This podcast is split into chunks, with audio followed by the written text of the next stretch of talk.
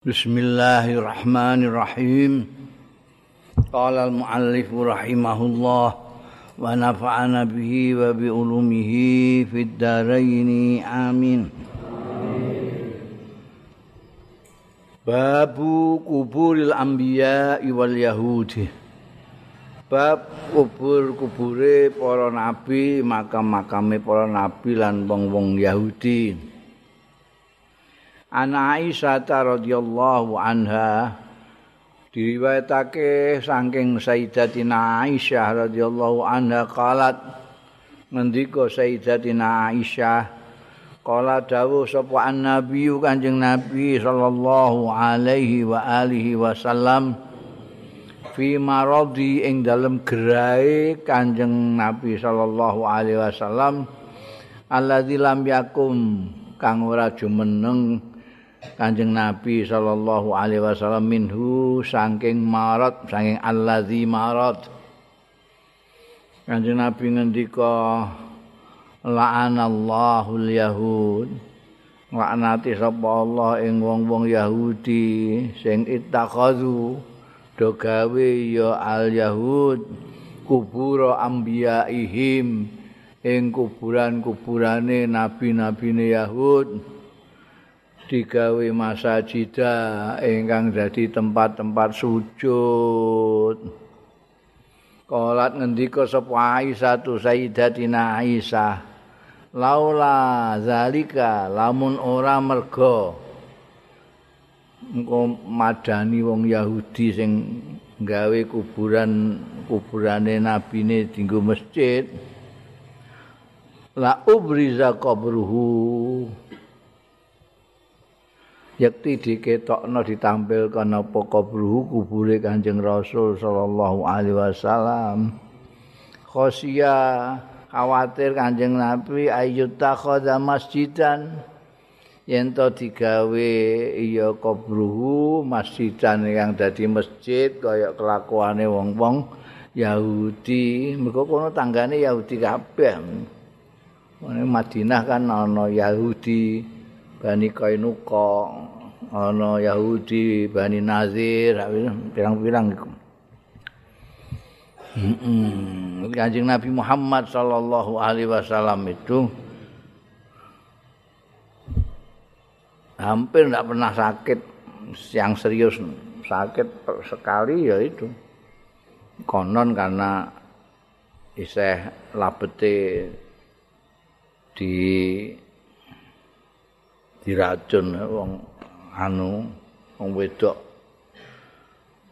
ing racun ning gone daharan sampile Kanjeng Nabi itu sampil wedhus kesukaan Kanjeng Nabi sampil. Kok Kanjeng Nabi itu resian jaga kesehatan sehat Kanjeng Nabi itu. Gerah. Yang serius ya yang terakhir itu yang kemudian tidak berdiri lam yakun minhu. Sakit yang terus wafat itu. Yang diceritakan Siti Aisyah radhiyallahu anha iki gerai Kanjeng Nabi yang sampai kapundut itu. Pada waktu gerah itulah Kanjeng Nabi ngendika tentang orang-orang Yahudi. Dilaknati Gusti Allah mergo kuburan-kuburane nabine dinggo masjid Mane ditutup apa jenenge makame Kanjeng Nabi ning setiap nabi kan dikubur di tempat beliau wafat. Kebetulan Kanjeng Nabi Muhammad sallallahu alaihi wasallam wafat di rumahnya Siti Aisyah. Jangan kamu bayangkan rumah Siti Aisyah kayak rumah-rumah sekarang ini enggak. Kayak godaan ngono tok. Di rumahnya Siti Aisyah itu kapundute jadi di kubur di situ. Dan tertutup, tidak kelihatan sampai sekarang ya nutup yang ngincang-ngincang ya gak percuma gak roh. Makam itu. Karena khawatir kok wong-wong nek diketokno wah terus digawe kaya wong-wong Yahudi gawe kuburane nabi-nabi ini di masjid tempat sujud. Saiki ae wis daleme Kanjeng Nabi wis masuk dalam masjid. Tapi bulan bukan dijadikan masjid. Gak digano sing malah memper koyok di masjid itu ning Karbala ning gone masjid Sayyidina Husain. Ku makam tapi enggak enggak ketok bedane ini masjid apa makam. Kok wong Oh, pirang-pirang do ngupengi makame. Makamnya itu di tengah-tengah masjid. Masjid. Jadi ameh sembayang rada angel kabeh. Nalika aku ana ambek kanca-kanca iku wah iki piye sembayang iki. Yo dukon do karo pengurus masjid. Yang kono kan pengurus masjid si A. Jadi ini mlebu masjid iku jiku ning ngarep ning ngarep masjid iku ana kreweng-kreweng, kreweng tapi ora pecahan gendeng ora tapi kreweng yang dibikin dibikin nggo pasujudan jadi nek sujud wong ning gone ndure kreweng iku. Ngalah. Untungnya kan dulu itu pemerintahan ini pemerintahan Saddam Hussein. Jadi kuabeh menurut Saddam Hussein. Si AO ya kudu manut. Jadi Wandani itu. Pengawal revolusi ini Saddam Hussein. Ini ada saudara-saudara kita Sunni mau sholat mesti dikilungi ya tokoh-tokohnya masjid itu kita sembahyang. Wah wah ora kusuk blas. Karena di dalam itu wong pirang-pirang lanang wedok do ziarah ning makam. Apakah itu termasuk ittikhad al-kubur masajid apa enggak? Nek ning ngene Syekh Abdul Qadir Al-Jilani itu enggak ini makam sendiri, di sini masjid. Jadi kamu kalau mau ke masjid ya masjid, Kalau Habib itu mau ke makam silahkan. Tapi lain tempat. Nek ning Madinah nggo kowe nek rono ya. Iku sekarang juga di malam masjid dulu di luar. Dulu di luar. Saiki Madinah iku meh kabeh dadi masjid padha karo Mekah. Jadi makam Kanjeng Nabi Muhammad sallallahu alaihi wasallam juga itu ada di dalam. Jadi wong Wahabi kepengin mindah itu tapi gak wani karo wong Islam sak donya. Amuk kabeh. Jadi saiki mereka mau njogo kono ae, aja ngantek wong iki ning masjid tapi madhep ning makam. Kok Masjid Madhep Rono makame ning kene. Ana iku pengimaman ning kono. Kene makame kanjeng ning kene. Sine kowe ning kene madhep kanjeng duwamuk mbek askar tutuke mbek askar. Kudu madhep Rono. Nek madhep Rono ngungkuri makam. repot kabeh kuwi dadi kudu ning guri kene nek kepengin madhep kiblat. Hmm. Nek ning gune uh, Palestina itu pancen gereja iku jarene ning kono makam makame Nabi Isa. Allahu a'lam. Niko tembok Sulaiman itu katanya juga Nabi Nggone Sulaiman, Nabi Sulaiman. Wong ya do meratap ning kono iku.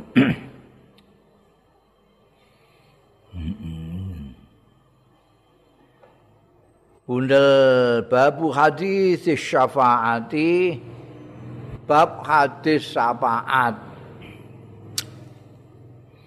An Anasin diriwayatake saking Sayyidina Anas bin Malik radhiyallahu anhu anin nabi saking Kanjeng Nabi sallallahu alaihi wasallam.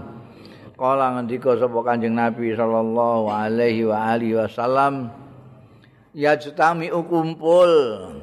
Sapa al mukminuna wong-wong mukmin yaumal kiamati engko ning dina kiamat. Payakuluna mongko padha latu ya wong-wong mukmin. Ngendikan lawis tasfana ila rabbina Mbok yo golek anu golek syafaat kita ila rabbina marang pangeran kita. Jadi ada yang memberi syafaat mereka kondisi pada waktu itu disebutkan sebagai yaumil fazail akbar. Dari kepanikan yang luar biasa bayang no. Pada waktu itu sudah tidak ada lagi tumbuh-tumbuhan nggak ada, rumah nggak apalagi rumah, gunung nggak ada. Jadi bumi meter no, kene kok Jakarta ketok kabeh. wong ngumpul ning kono dan sudah de mendekat nggambarno ning gone anu riwayat-riwayat itu matahari ning gone sandik sirah saking panas jadi bayang no, yang sekarang jauhnya ribuan kilometer aja panasnya kayak gini yang pemenah itu didekatkan. Panik kabeh. Iki gak ana sing parek Gusti Allah iki ya jalukno syafaat sapa sing dijaluki syafaat iki? Ada yang nyafaati kita kepada pangeran kita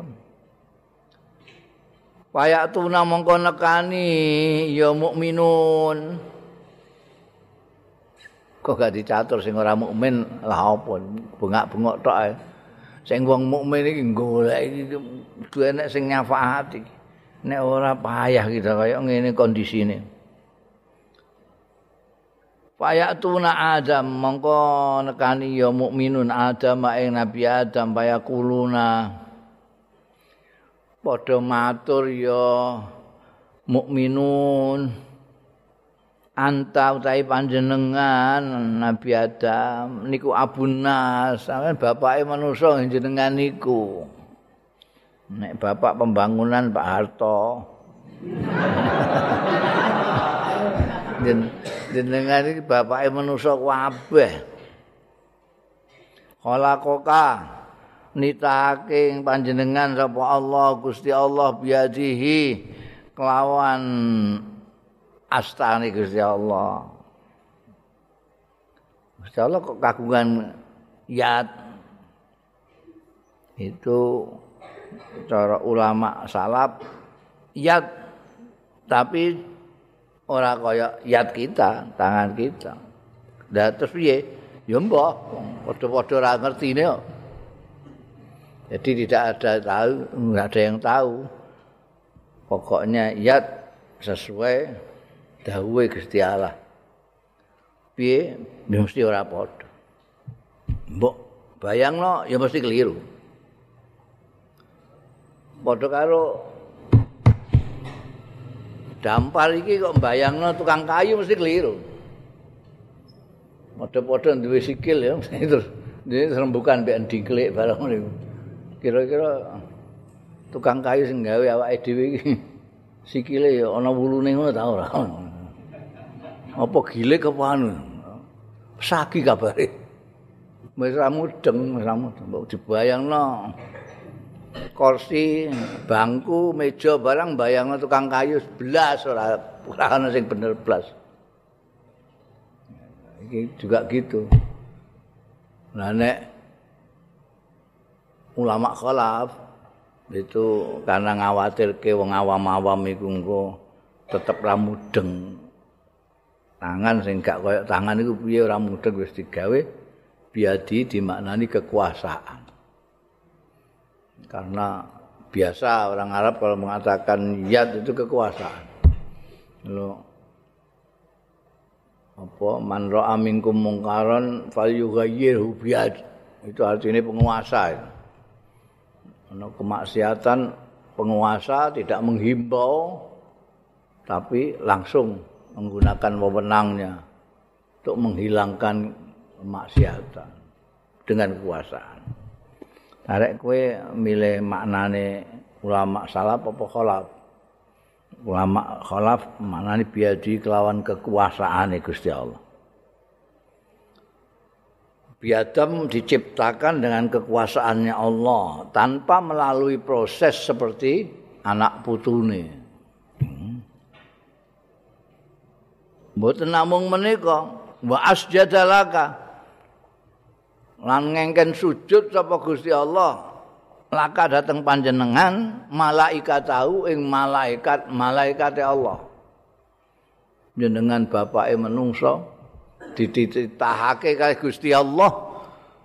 Mboten kados prosese putra-putra wayah panjenengan jenengan di, langsung kekuasaan Gusti Allah ingkang nitahaken panjenengan. Malah nalika pun wujud jenengan malaikat-malaikat dikengken sujud dateng panjenengan. Wa allamakal asma lan mulang sapa kanjeng sapa Gusti Allah ka ing panjenengan asma kulli syai'in ing jeneng-jenenge saben-saben sesuci. Informasi apa saja Nabi Adam tahu karena Kanjeng Nabi Adam tahu nama-nama semuanya.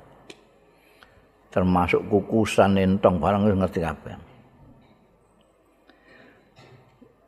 Pas mongko mugi nyapa ati panjenengan lan ajeng kita. Inda rabbika wonten ngarsanipun pangeran panjenengan. Hatta yurihana sehingga ngepenakaken Allah na ing kita.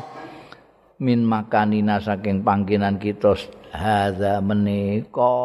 Panggenan koyo ngeten masyaallah panas mboten karuan-karuan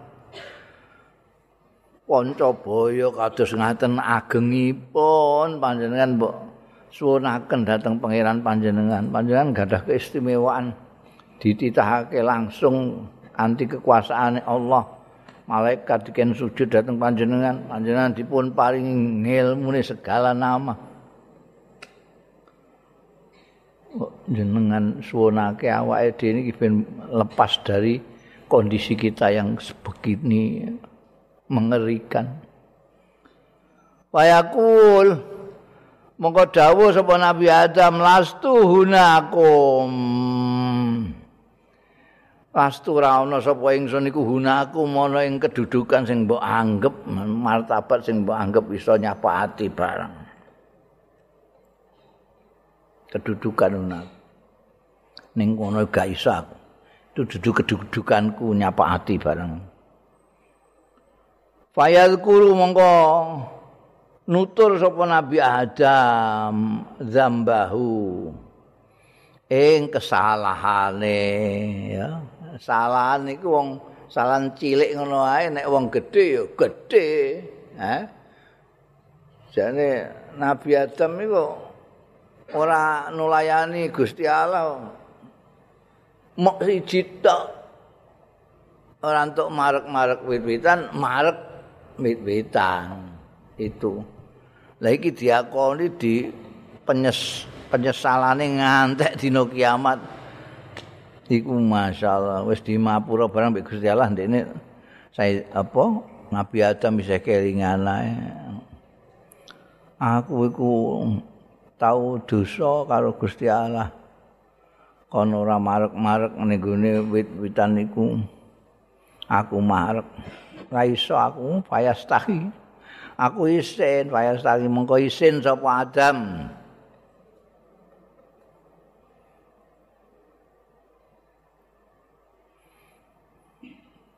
Uktu nuhan Wis kana nekanono sira kabeh. Nuhan Nuh Nabi Nuh.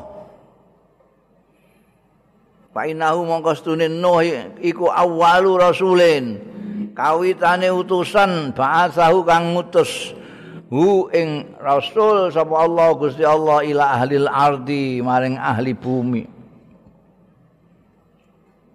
Mulai Nabi Adam ngantek Nabi Nuh. Itu nabi pirang-pirang. Tapi ora ana sing jeneng rasul mulai jeneng rasul ya Nabi Nuh. Artinya disuruh dakwah suruh menyampaikan risalah ilahiyah kepada manusia itu baru mulai Nabi Nuh.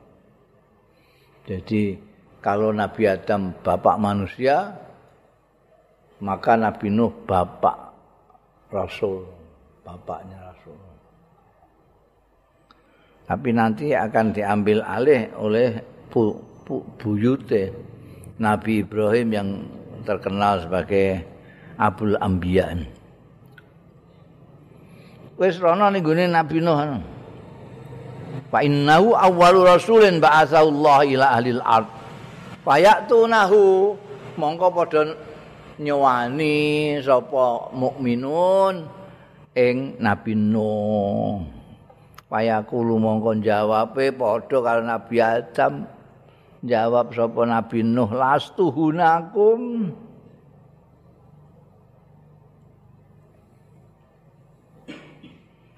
Aku ora ana sapa ingsun iku gunaku ana ing kedudukan kuwi. Kedudukan sing iso nyafaati ning gone pangeran gak gak.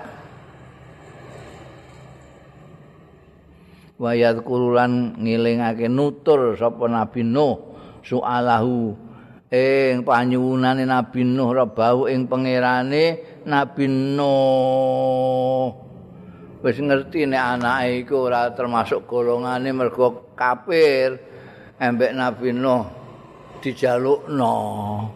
Matur karo Gusti Allah ta nalika ana banjir bandang kuwi ndekne nyuwunke anake Kanan. Rabbi in innabni min ahli. Muni min ahli Gusti Allah ala tas alan nama lai salah kabi ilm. Dudu dudu apa apa itu. Begitu tidak iman sudah terputus hubungan. Tapi aku nyuwun di Gusti Allah. Iku wae dianggap kesalahan wae Nabi No dianggap kesalahan. Mulane ini gak wani bukan kedudukan saya. Orang yang bisa menyafaati itu berani nyafaati nih gini pangeran niku ya sing ora duwe kesalahan apa-apa. Beliau nuturkan soalahu rabbahu ma ing barang lae salahu kang ora ana lahu iku hae Nabi Nuh bi kelawan ma. Ma lae salahu kang ora ana lahu kedue Nabi Nuh bi kelawan ma apa ilmun pengetahuan. Ora duwe ilmu mulane kan apa? Ajeng Nabi Nuh didhawuhi Gusti Allah falatas alan nama lai salaka bi ilmun nalika njalukno putrane iku. Kowe ora ngerti.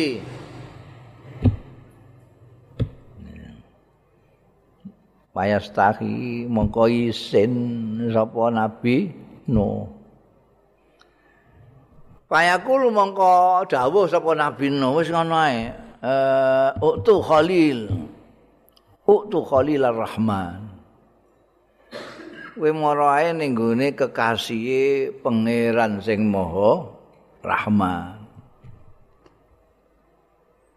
Rahman itu Maha welas asih ning gone sapa wae Iku Rahman Jadi melase Gusti Allah ning donya iki kan sapa ae. Ora peduli mukmin, ora peduli kafir, kowe iku dirahmati kabeh. Janji kowe wong kafir cek ora wong mukmin cek kafir janji ini tenanan nyambut gawe ya dikai sukses. Nek rahim itu khusus ning akhirat sing untuk rahmat untuk ulas asih namung wong-wong sing iman karo Gusti Allah taala. Nah iki Khalilur Rahman itu gelar sebutane Nabi Ibrahim. Ibrahim Al-Khalil ya. Nek Kanjeng Nabi Ibrahim Al-Mustafa Kanjeng Nabi Muhammad sallallahu alaihi wasallam julukane pirang-pirang di antaranya Al-Mustafa sing maknane padha karo Khalil nek Nabi Ibrahim Khalilur Rahman Wa iku kasihe Gusti Allah iku kana marana. Kayak tunahu. Mongko padha nyowani sapa mukminun hu ing Nabi Ibrahim Khalilur Rahman. Fayaqulu mongko mat mat eh ngendika sapa Khalilur Rahman. Padha karo Nabi Adam, padha karo Nabi Nuh. Lastu hunakum. Ora ana sapa ingsun iku hunakum, ana ing kedudukan sing iso nyapati sira kabeh. Uktu Musa. Nekanana sira ae Musa ing Nabi Musa. iku satu-satunya abdan kawula kalamahullah sing ngendikani langsung ing abdan sapa Allah Gusti Allah. Wa atahu Taurat. Lan maringi sapa Allahu ing Musa at-Taurat ing Taurat. Mulai dijuluki Nabi Musa kalimullah. Nek Nabi Ibrahim Khalilullah atau Khalilur Rahman. Nek Nabi Musa kalimullah atau kalimur rahman. Karena dingendikani langsung. Wayatunahu mongko nyowani nekani sapa wong-wong mukmin ing Nabi Musa fayaqulu mongko padha ae. Mongko ngendika sapa Nabi Musa lastu naku ora ana sapa ingsun iku hunaku ana ing kedudukan sing iso nyapati sira kabeh. Bayat kuru panutur sapa Nabi Musa, aku sahil, aku duwe dosa gedhe karo Gusti Allah. Bayat kuru nutur kotlan nafsi ing anggone mateni awak-awakan. Iku jane ya ora mateni wong dikiwa ngono tok ae kelepek-kelepek ya. Nabi Musa gak sadar nek astane itu swekti banget ora ngerti. Oh, kena ngono kepet mata dan. Tapi kan beliau kan dia merasa bersalah. Lah buat agak mau lah apa? Itu kan are itu kan jadi buron ngantek belayu tekan madian itu kan gara-gara ngono iku. Ngenek wong kipti mati. Iki terus dieling aku tau mateni wong bikoiri nafsin. Yo ndikne ora mateni wong tak pateni. Nah, ndikne mateni wong lho jenenge kisos. Iki gak. Mau dia tukaran tok ngono ae mbek wong Bani Israel. Mentang-mentang ndikne orang Kipti terus Bani Israel dianggap warga negara nomor loro terus dinggo kalahan ya aku bantu dadak tak kenekno mate. Payas taki mengko isin sama isin aku bakon mara ning Gusti Allah njalukno kalian semua itu gimana? Ayas tahi min rabbi sange pangerane Nabi Musa fayaqulu mongko ngendika sapa Nabi Musa wis jajal uktu Isa Ora nekanono sira kabeh Isa ing Nabi Isa. Ndikne iku Abdullah wa rasulahu kaulane Gusti Allah lan utusane Gusti Allah. Wa kalimat Allah lan kalimat Gusti Allah wa ruhahu lan ruhe Allah. Mereka langsung orang melewati proses seperti Nabi Adam, langsung diberi ruh nama Gusti Allah Ta'ala. Eh? melewati Sayyidatina Maryam tanpa punya suami Sayyidatina Maryam. Kun ayakun kalimat Gusti Allah itu hanya kun ngono ae arep nitahake sesuatu itu istimewa ya jajal oh iku dijuluki ora terima kalimatullah dijuluki ruhullah Lari ngantek wong-wong Nasrani nganggep anake pangeran mergo tidak punya suami. Nabi Siti Maryam itu, Sayyidatina Maryam gak punya suami. Diberi ruh oleh Allah. Fayaqulu Lastu hunakum Nabi Isa juga gitu Lasa. Ngendika lastu hunakum ora ana sapa ingsun iku hunakum. Ana ing kedudukane wong sing iso nyafaati sira kabeh. Utu Muhammadan. Ana sawana Nabi Muhammad sallallahu alaihi wa alihi wasallam iku mono abdan eh, ang merupakan kawula. Ghafarallahu kang wis ngapura sapa Allah lahu marang abdan.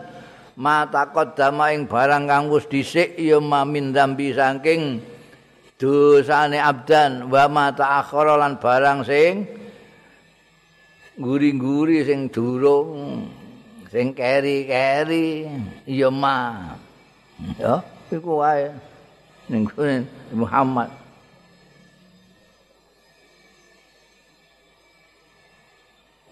Kanjeng Nabi juga gak tau di dosa. Kalau ada lali kelalaian-kelalaian yang bersifat manusiawi ya saya tidak pernah dosa. Tapi umpama itu dosa wis di ngapura itu udah. Ketentuannya Nabi Muhammad itu maksum sejak awal. Jadi nek ana dosane umpamane umpama gak mergo gak ndusi dosa iku di ngapura karo Gusti Allah mata kodama mbah mata akhor. Gak ono sing kaya ngono. Nang Ngapura sebelum dan sesudah. Fayak tuni wong iki sing dawuh Kanjeng Rasul sallallahu alaihi wasallam mulane banjur ngendika fayak tuni mongko padha sowan wong-wong mukmin ni marang ingsun Kanjeng Nabi menceritakan Kanjeng Nabi itu ngerti sing wis-wis zaman penciptaan manusia sampai yang akan datang. Ini cerita yang akan datang.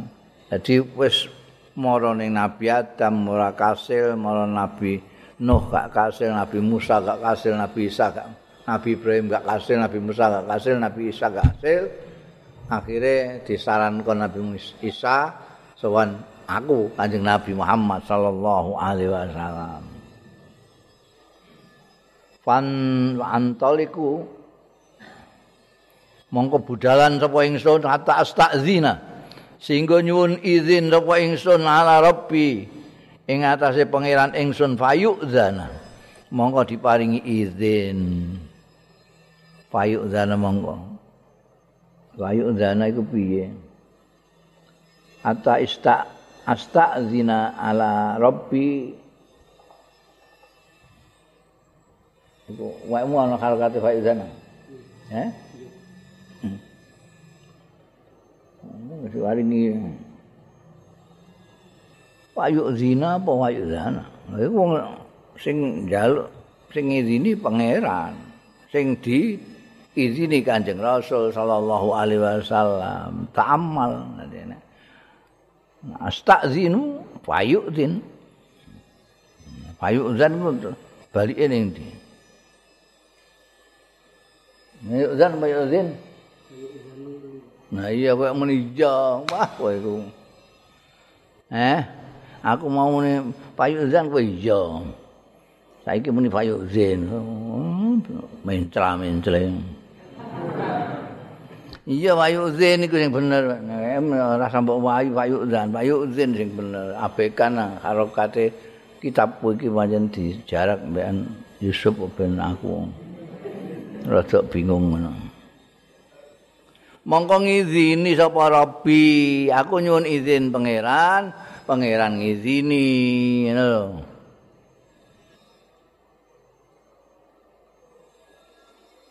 Pak Ida itu Mengkotot kalane ningali sapa ingsun robi ing pangeran ingsun. Wakok tu mengkocok tiba sapa ingsun sajidan hale sujud. Tersungkur sujud begitu lihat. Rupane kayak bos tak coba bayang no gak iso mbok bayang. Wujud kiamat ya engko. Gitu saya melihat Allah langsung tersungkur aku sujud.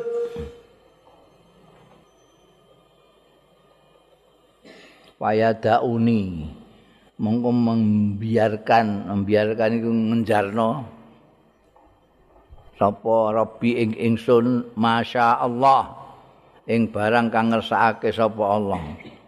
Beberapa saat yang dikendaki Allah dibiarkan sana. Aku sujud. Begitu lihat Gusti Allah. Dan Gusti Allah sudah ngizini Gusti kula badhe sowan. Tujuannya menyafaati orang-orang mukmin yang minta syafaat itu. Ya izini. Terus menampilkan diri begitu lihat Gusti langsung nggak bisa tersungkur sujud. Dibiarkan sampean Gusti Allah sujud. Oh nengai beberapa lama itu masya Allah itu menunjukkan waktu yang pokoknya agak lama tapi nggak terlalu lama. Setelah itu sumayukal mongko keri-keri dingendikake apa dawuh? Irfa raksak angkat. Ngangkat sira raksaka ing sirahira angkat sujud gak? Orang dangak-dangak sampai ada dawuh irfa raksak angkat sirahmu. Wasal tuktoh nganyuna sira tuktoh mongko diparingi sira ing jalukamu. Wakul yusma. An ucap sira yusma dirungokno. Wasfa nyafatono sira tus safa mongko dikei perkenan nyafaati sira. Jadi sebelum ada dawuh itu kanjeng Nabi orang ngangkat mustakan itu terus gak ngangkat-ngangkat berapa lama Masya Allah Wis, masyaallah. Pokoknya gak ngangkat-ngangkat sampai dengan ana dawuh angkat kepalamu. Mau minta apa? Minta akan dikasih. Ngomong apa? Ngomong. Ngomong-ngomong akan didengarkan.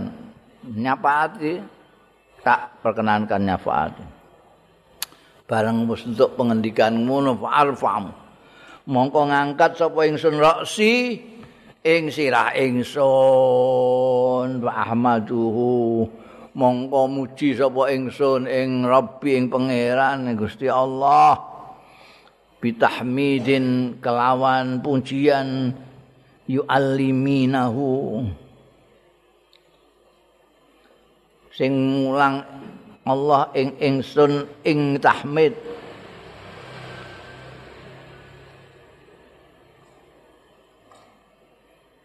Summa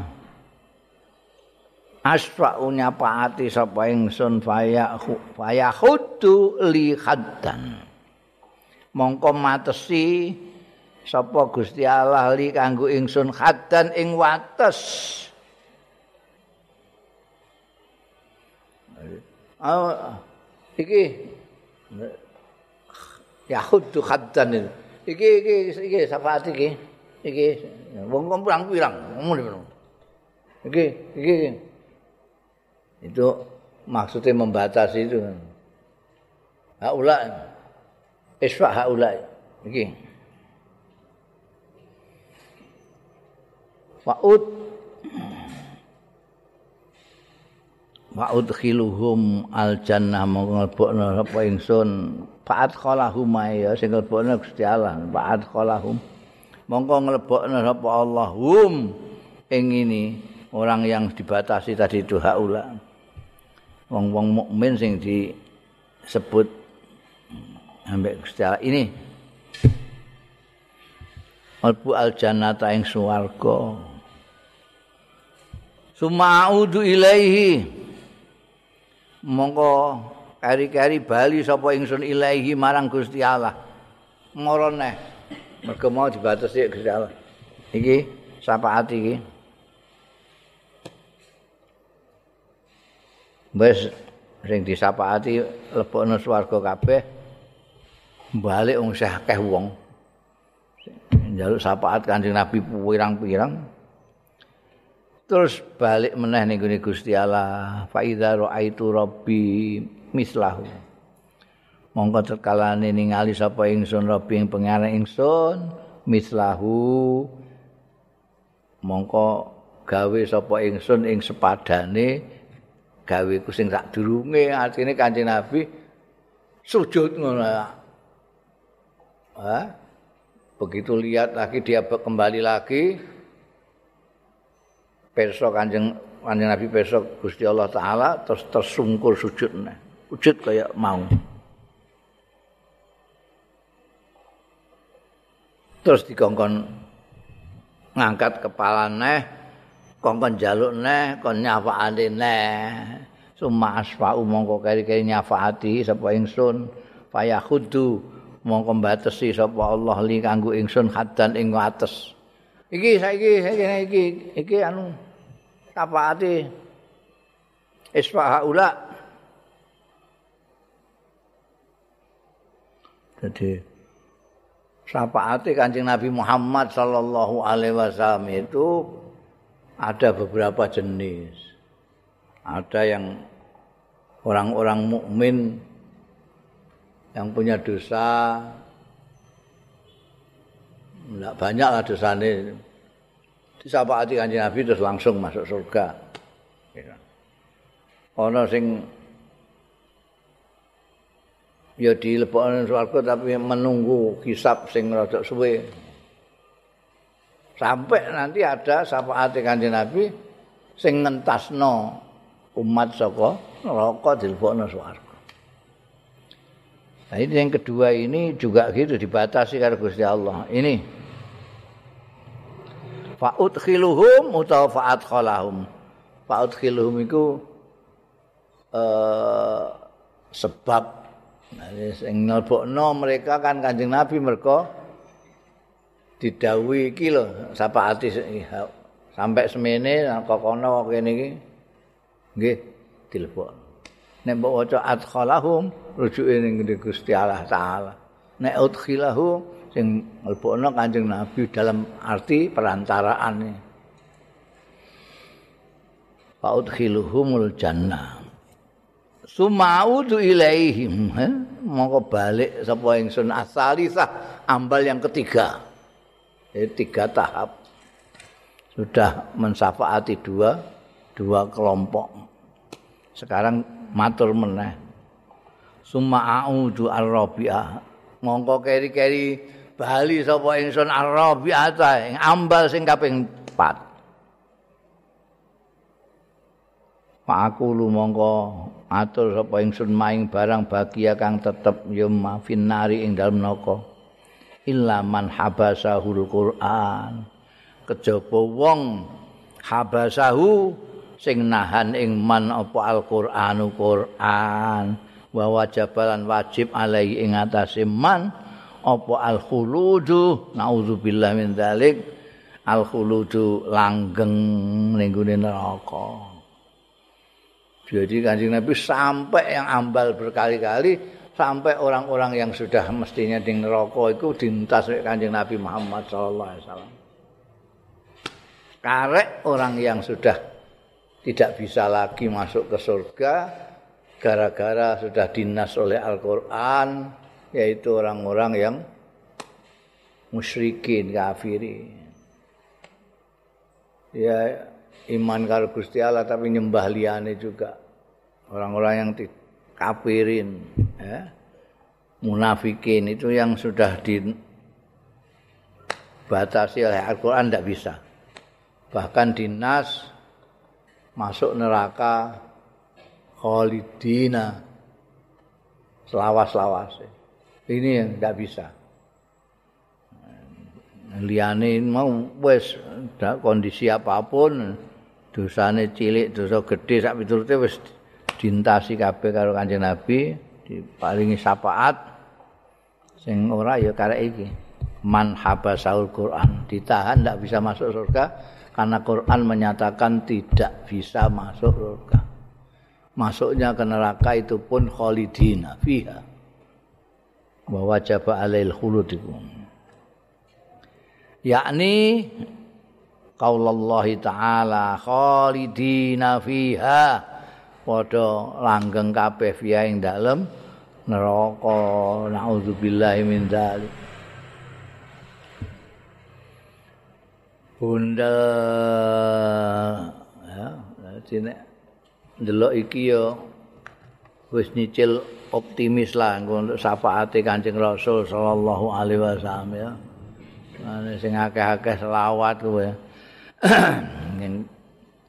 Nomor siji sing akhlake paling mirip karo Kanjeng Rasul sallallahu alaihi wasallam. Mirip banget ya ora iso. Ora iso mirip banget ora iso. Paling enggak berusaha mirip. Mergo Kanjeng Nabi dawuh sing untuk syafaate Kanjeng Rasul bahkan nanti akan parek di sana dengan Kanjeng Rasul itu orang yang paling baik akhlaknya. Yang paling baik akhlaknya ya yang niru Kanjeng Nabi kan dan Nabi itu ahsanu khalqan wa khuluqan. Ya, kamu itu berusaha mempunyai akhlak seperti Kanjeng Rasul sallallahu alaihi wasallam bisa dijamin nanti bukan hanya dapat syafaat tapi dekat dengan Kanjeng Rasul. Akrabukum ya, minni indallah ahasinukum khulqan.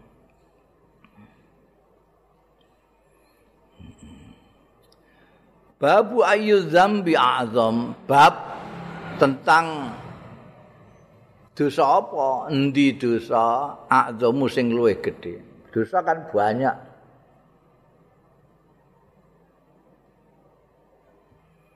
dosa sing paling gedhe apa? An Abdullah bin Mas'udin diriwayatake saing Sayyidina Abdullah bin Mas'ud radhiyallahu anhu kala ngendika sapa Ibnu Mas'ud sa'altun nabiyya nyuwun pirsa sapa ingsun an nabiyya ing Kanjeng Nabi sallallahu alaihi wa alihi wasallam. Ayu dzambi? Tawi dosa napa Kanjeng Nabi? Azamu iku kang luwih gedhe-gedhe dhewe. Indallah wonten ngarsane Gusti Allah. Dosa sing paling gedhe menggawe Gusti Allah menika napa Kanjeng? Pertanyaane iku. Mergo kana ana dawuh angger wong iku gelem ngedoi dosa-dosa sing gedhe, dosa-dosa cilik iki diampuni mbek Gusti Allah. Kala dawuh sapa Kanjeng Nabi sallallahu alaihi wa alihi wasallam jenenge dosa paling gedhe iku antaj'ala lillah yen to ndadekno sira lillahi. Kedue Gusti Allah nidan ing bandingan. Gusti Allah mbok bandingan raine bandingno karo sapa ta sapa? Mbok bandingno karo apa ta apa? Kuwi ku paling gedhe dengan bahasa yang umum bahasa yang populer adalah syirik. itu syirik itu dosa sing paling gedhe nyekutake nganggep ana pangeran liyane Gusti Allah Gusti Allah ya mbok sembah tapi nyembah liyane sing sebanding karo Gusti Allah sebanding bandingane Gusti Allah nit tak boleh nidan. Qul huwallahu ahad, Allahu samad, lam yalid wa lam yulad wa lam yakul lahu kufuwan ahad. Nidan itu. Gak kena, itu dosa sing paling gede sini. Sampai-sampai saking hati-hati ulama-ulama itu terus ono dikategorikan ada yang sirik alus barang iku, riak barang iku. Kowe wedi karo Gusti Allah, ya wedi karo bosmu itu hati-hati bisa sampai sana. Eh? Wedi karo Gusti Allah, wedi karo bojo, eh? Wedi melarat sak piturute banyak sekali kalian mbok anu niku. Makanya hati-hati ini itu harus betul-betul meligi Gusti Allah. La taj'al lillahi niddan. Wong wa huwa khalaqaka. Wa huwa ta Gusti Allah iku sing nitahno ya Allah ka ing Ngomong padakno karo makhluk-makhluk apa meneh sing kualik akal iku ya wong sing nyembah Brahola iku iku piye Brahola iku gaweane ndekne disembah kaya Gusti Allah sing gawe ndekne. Gusti Allah iku sing gawe kowe. Dadi aja mbok dadekno bandingan-bandingan ning Gusti Allah. Ora kok. Ono sing malus banget sirik sing halus nek mau kang ambek bojo, ambek bondo, ambek kedudukan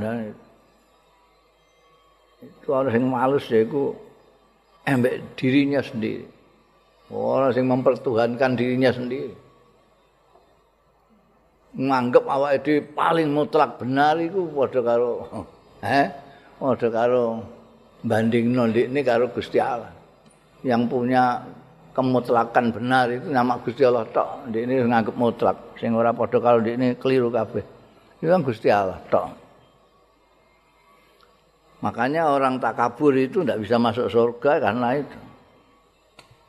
Ini Mbak membuat dirinya itu nidan ini Gusti Allah. Mungkin ini titai Gusti Allah. Kultu. Ini wong kadang-kadang kan gak sadar ini. Madak nawae karo Gusti Allah. Gusti Allah iku mesti bener e, nganggep anek ndekne iku mesti bener e. Wis ngono. Ana sing ora sadar juga madakno awake dhewe karo Kanjeng Rasul sallallahu alaihi wasallam. Kanjeng Rasul iku bojone akeh aku bojoku akeh. Ini sih kok wong kok sombonge ngono. madakno awake kok karo Kanjeng Rasul. Ora ngerti dunungane Kanjeng Nabi kok kawin banyak itu apa? Kenapa kawin banyaknya kok setelah Siti Khadijah kapundhut? Kok gak dipelajari? Terus melete ning kono kene malah gawe khusus kawin banyak ben kaya Kanjeng Nabi jare. Pintu kok diumumno.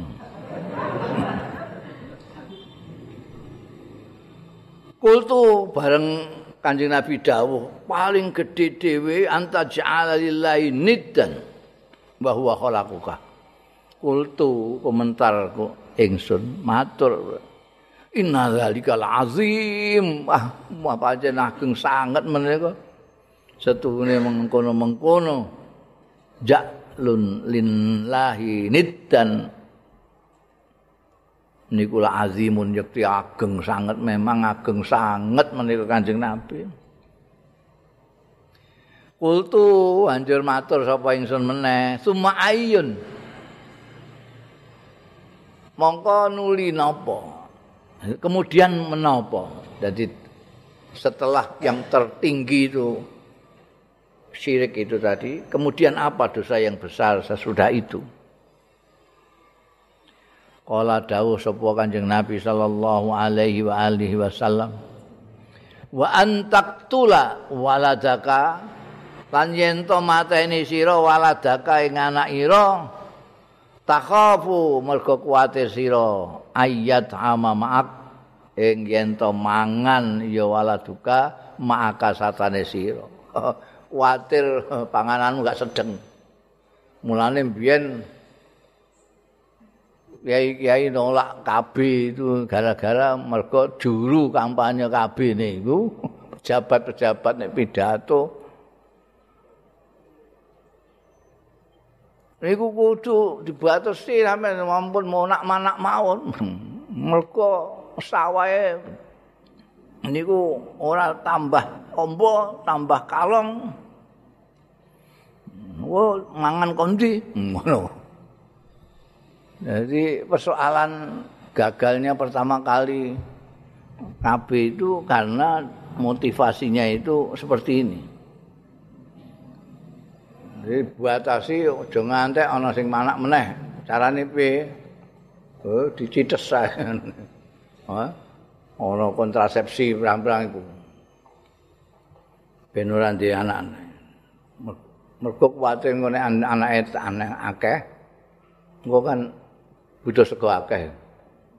Iku padahal sawahe ora tambah. Mbok pangani semono akeh piye? Hmm. Itulah nah, bareng musyawarah karo ulama-ulama NU terus dikandani ini nek pembatasan ya. nek perencanaan keluarga pembatasan keluarga itu gak gelem wong. Jadi digawe perencanaan. Keluarga berencana. Bukan keluarga dibatasi, enggak, tapi keluarga berencana. Dan alasannya bukan mergo kuatir gak mangan. Untuk oh kayak iki kuatir ngonek mana terus aku mangan apa? Rumangsane eh sego sak piring iku semono tok iku rezekine kanggo anake iku ya ana sepiring neh. Ini ra ngerti. Pateni kaya zaman jahiliyah. Iku anak iku akeh sing dipateni pendem urip-uripan. Jenenge watu al wada. Terutama nek wedok. Lahir kok wedok. Ayo dipendem urip-uripan. Ngrepoti. Jak perang gak iso. Jak gelut ora iso. Eh. Pasane. Mangane padha akeh. Terus ditekak watu itu yang kedua setelah sirik mateni anak gara-gara khawatir nanti ikut makan. Kultu summa ayyun. Matur neh sapa Ibnu Mas'ud. Summa ayyun mongko keri-keri napa malih Kanjeng Nabi. Sakwise mateni anak mergo kuwatir mangan bar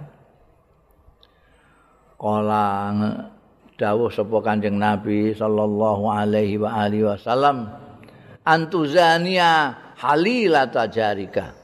Yen to jinani sira halilata jarika ing bojone tangga ira. Eh eh bojone tangga. Ngurmati tangga apik karo tangga mulyakna tangga iku anjuran mangkane min billahi wal yaumil akhir fal yukrim jarahu wis ora ngurmati blas nek sampe menggauli istrinya itu wis banget ora ora mulya mare dosane gedhe dosane gedhe. Tingkat ketiga setelah syirik mateni anak ambean Babu wa qalu takhadallahu waladan. Allahu alam